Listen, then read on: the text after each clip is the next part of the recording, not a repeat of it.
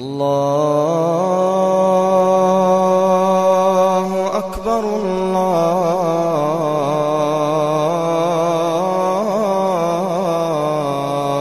أكبر Di dalam hadis yang lain riwayat Bukhari juga kata Nabi SAW, "Kullukum yadkhulul jannata illa man aba." Qalu wa man ya'ba ya Rasulullah?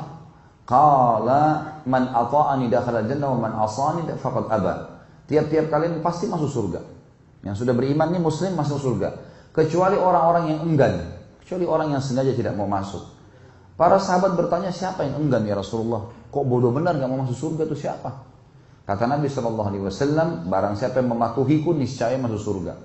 Dan barang siapa yang mendurhakaiku maka dia telah enggan. Termasuk dalam durhaka kepada Nabi Wasallam adalah memilah-milah syariat beliau, menerima yang disukai dan mengerjakan apa yang meninggal, meninggalkan apa yang tidak disukai. Termasuk pelanggaran terhadap syariat Nabi SAW adalah mengada-ngadakan syariat setelah beliau menyampaikan. Yang biasa dikenal dengan bid'ah. Itu termasuk adalah tidak menghormati Nabi SAW. Nabi SAW sudah mengatakan di akhir hidup beliau, waktu selesai haji wada, haji perpisahan. Beliau naik di atas mimbar pada saat turun firman Allah SWT surah Al-Maidah ayat 3, A'udzu billahi minasyaitonir rajim. Al-yawma akmaltu lakum dinakum wa atmamtu 'alaikum ni'mati wa raditu lakumul Islam madina. Hari ini aku sempurnakan agama kalian, nikmatku pada kalian dan aku ridho Islam sebagai agama kalian. Maka beliau sallallahu alaihi wasallam di atas mimbar kumpulin semua sahabat lalu berkata, seorang hamba setelah memuji Allah salawat pada diri beliau sallallahu alaihi wasallam, beliau mengatakan seorang hamba diberikan pilihan bertemu dengan Tuhannya atau tinggal di dunia yang fana ini. Lalu dia memilih Tuhannya. Ketahuilah, agama yang aku bawa telah disempurnakan oleh Allah. Sudah selesai. Semua halal haram sudah jelas. Semua sahabat itu suka duka, mereka saling salaman, berpelukan, gembira. Agama Allah sempurna luar biasa. Kecuali Abu Bakar. Abu Bakar menangis. Terisak-isak di masjid. Maka semua sahabat bertanya, ada apa wahai Abu Bakar? Kata Abu Bakar, waktu Nabi SAW masih di atas mimbar nih. Kata Abu Bakar, kalau pembawa risalah dari langit sudah menyampaikan semua amanah sang pencipta, kira-kira menurut kalian apa yang tersisa? Sahabat diam. Kata Abu Bakar, pembawa risalah itu akan pulang kepada Tuhannya. Artinya Nabi SAW sudah mau meninggal. Karena itu saya menangis. Apa jawaban Nabi SAW? Benar apa yang dikatakan Abu Bakar. Benar. Maka orang semua terisak-isak menangis. Lalu kata Nabi SAW apa? Wahai sekalian manusia, jangan bersedih. Karena perjanjian kita di haudku. Di kualaku nanti di mahsyar. Yang penting kalian ikuti ajaranku, sudah aman. Akan ketemu kok. Makanya beliau mengatakan di sini, kalian semua bisa masuk surga. Kecuali yang enggan. Siapa yang enggan ya Rasulullah? Orang yang mematuhiku pasti dia patuh, masuk surga berarti. Dan orang yang mendurhakaiku, memilah-milah syariat atau membuat-buat syariat yang telah sempurna, berarti dia telah mendurhakaiku. Untuk apa teman-teman buat syariat baru? Bukankah syariat Nabi SAW sudah banyak, sunnahnya sudah banyak, kerjakan istiqomah sampai mati. Teman-teman kita yang sedang mendakwakan sunnah, yang sekarang diberikan julukan segala macam lah, wahabi lah, garis kelas lah, apalah segala macam. Teman-teman sekalian tahu siapa yang diberikan julukan wahabi itu? Kalau yang pernah umroh dan haji, lihat bagaimana Masjid Haram Mekah dan Masjid Nabawi. Dirawat atau enggak? Hah? Kok enggak ada yang nyaut ini? Berarti belum ada yang pergi. Belum makan. Orang bicara Mekah Madinah, Marwan bicara makan. Masjid Haram teman-teman sekarang dengan mewahnya, marmernya, AC-nya, Qurannya diganti seminggu sekali. Setiap seminggu sekali dikeluarin, ganti Quran baru. Percetakan Quran dibuka, dibuat terbesar oleh Raja Fahad di Madinah.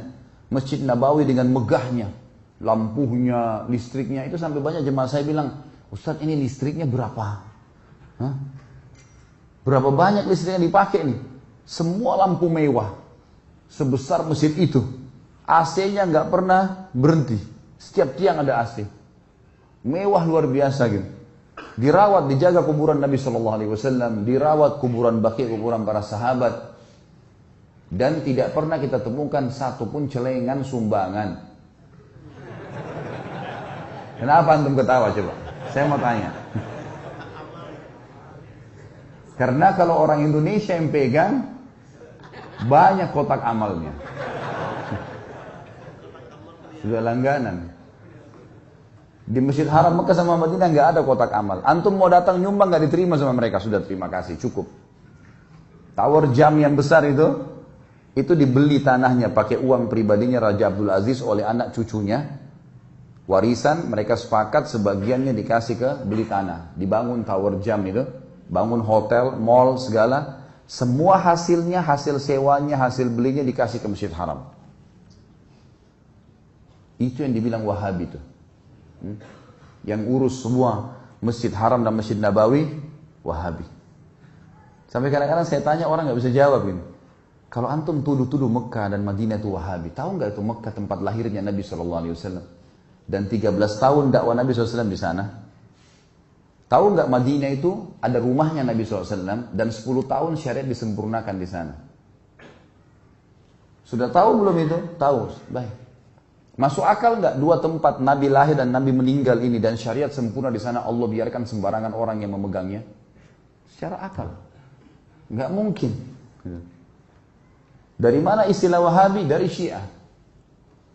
Karena yang paling banyak membongkar kedok mereka yang mencaci maki sahabat, mengatakan Quran kurang, yang menjaga kemurnian Islam memang Mekah sama Madinah sekarang. Memang di bawah naungan kerajaan Saudi itu. Itu fakta lapangannya. Gak bisa dipungkiri masalah itu.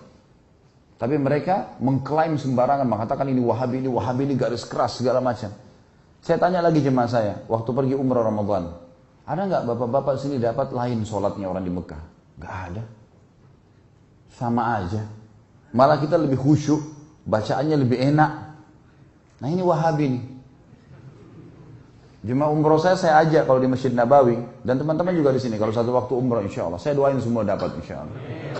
Mudah-mudahan Allah kasih umroh dan haji berulang-ulang. Ya. Saya sampai bilang sama jemaah saya kalau terutama laki-laki karena perempuan agak sulit tapi laki-laki kalau lagi umroh sama saya biasanya kalau berpapasan saya sholat sama-sama karena kita punya acara bebas untuk sholat. Ada yang mau lebih dulu pergi, ada yang mau telat ke kamar mandi segala saya biarin.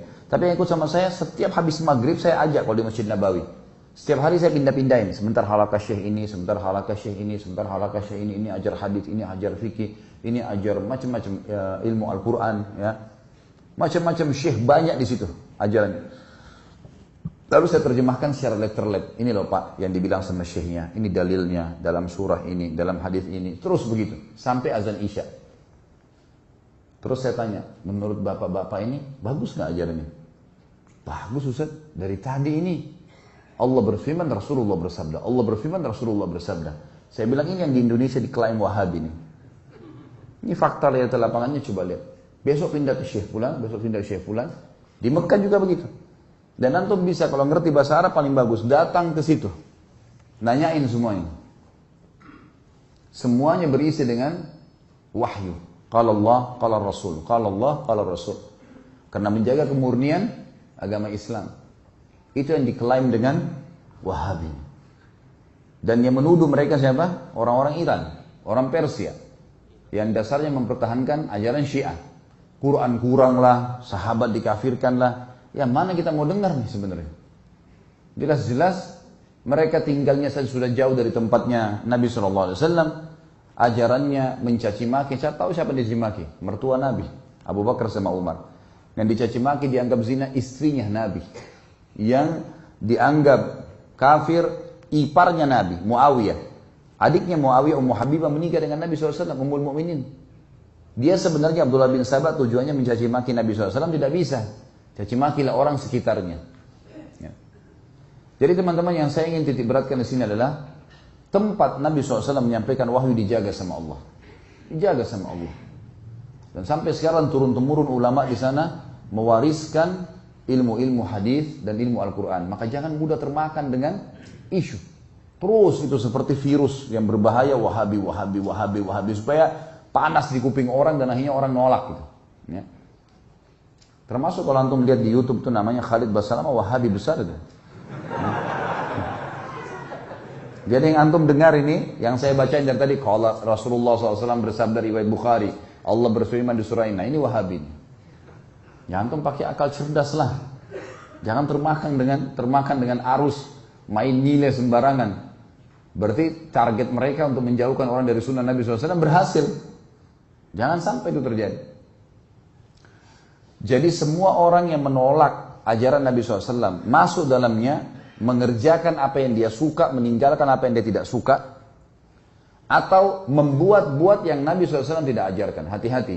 Termasuk kekufuran yang nyata kata para ulama adalah bila seseorang menganggap masih ada bagian risalah langit yang belum disampaikan oleh baginda Nabi SAW. Ini kekufuran yang nyata. Allah sudah mengatakan Nabi SAW sudah menyempurnakan agama di tangannya. Lalu kita bilang tidak masih ada yang belum diajarkan. Lalu kita buat-buat. Ini bahaya sekali. Selanjutnya sabda Nabi SAW dalam hadis Bukhari yang lain, Inna risalata wan nubuwata qad inqata'at fala rasula ba'di wala nabi. Ketahuilah sesungguhnya kerasulan dan kenabian telah terputus, dihentikan sama Allah. Dengan diutusnya beliau, maka tidak ada rasul dan tidak ada nabi sesudahku. Ini harus dipegangin baik-baik. Terakhir beliau dan cukup diikuti Nabi Muhammad SAW.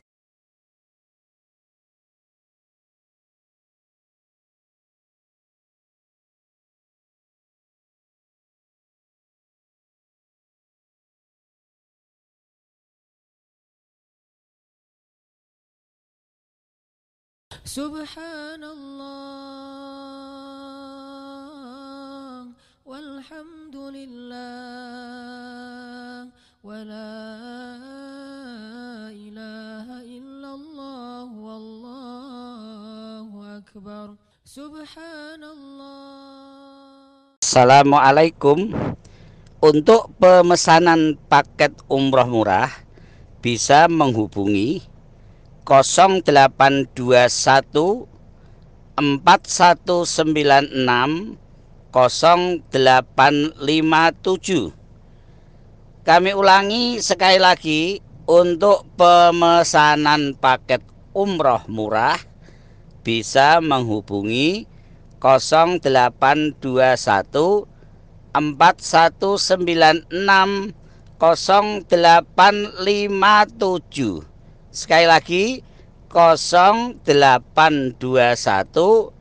4196 0857. Terima kasih.